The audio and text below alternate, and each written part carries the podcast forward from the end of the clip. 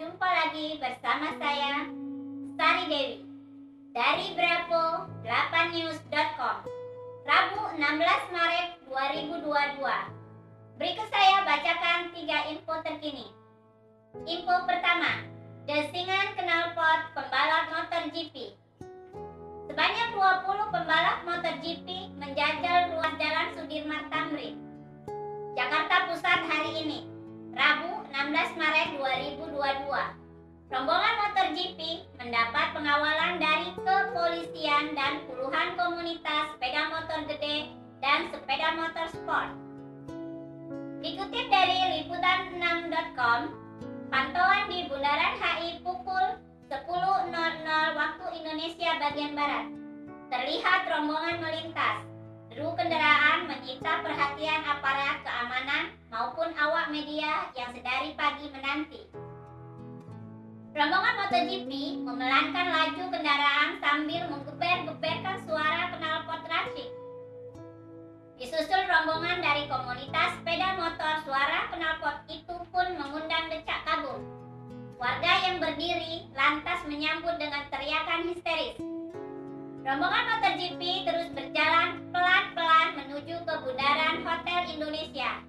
Itu menjadi titik akhir perjalanan mereka dari Istana Merdeka. Musibah banjir rendam 8 kecamatan di Purworejo. Hampir semua wilayah Purworejo, Jateng meluap pada Selasa 15 Maret 2022 dini hari. Luapan air menggenangi jalan, areal persawahan, hingga pemukiman penduduk dengan kedalaman yang bervariasi. Informasi yang dihimpun terdapat 8 kecamatan di Purworejo yang terdampak musibah banjir.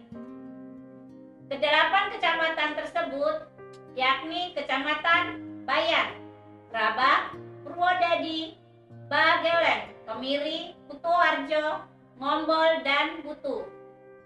Sejumlah warga yang terdampak banjir melaporkan kejadian terkini melalui rekaman video dan diunggah di media sosial. Kondisi banjir cukup parah, terpantau di desa Bapangsari, kecamatan Bagelen. Puluhan warga desa terpaksa dievakuasi karena rumah mereka tergenang banjir. M. Taufik, salah seorang warga mengungkapkan kepada Bravo8news.com Banjir kali ini menjadi musibah terparah sejak awal musim penghujan. Hingga saat ini belum ada laporan korban jiwa dalam musibah ini. Doni meminta maaf pada masyarakat atas dosanya.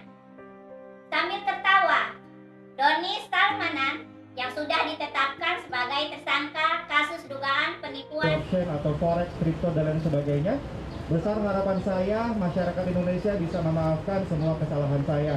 Kemudian yang kedua saya ingin juga memohon doanya kepada teman-teman semuanya di seluruh masyarakat Indonesia ini eh, agar eh, sanksi terhadap saya bisa diringankan.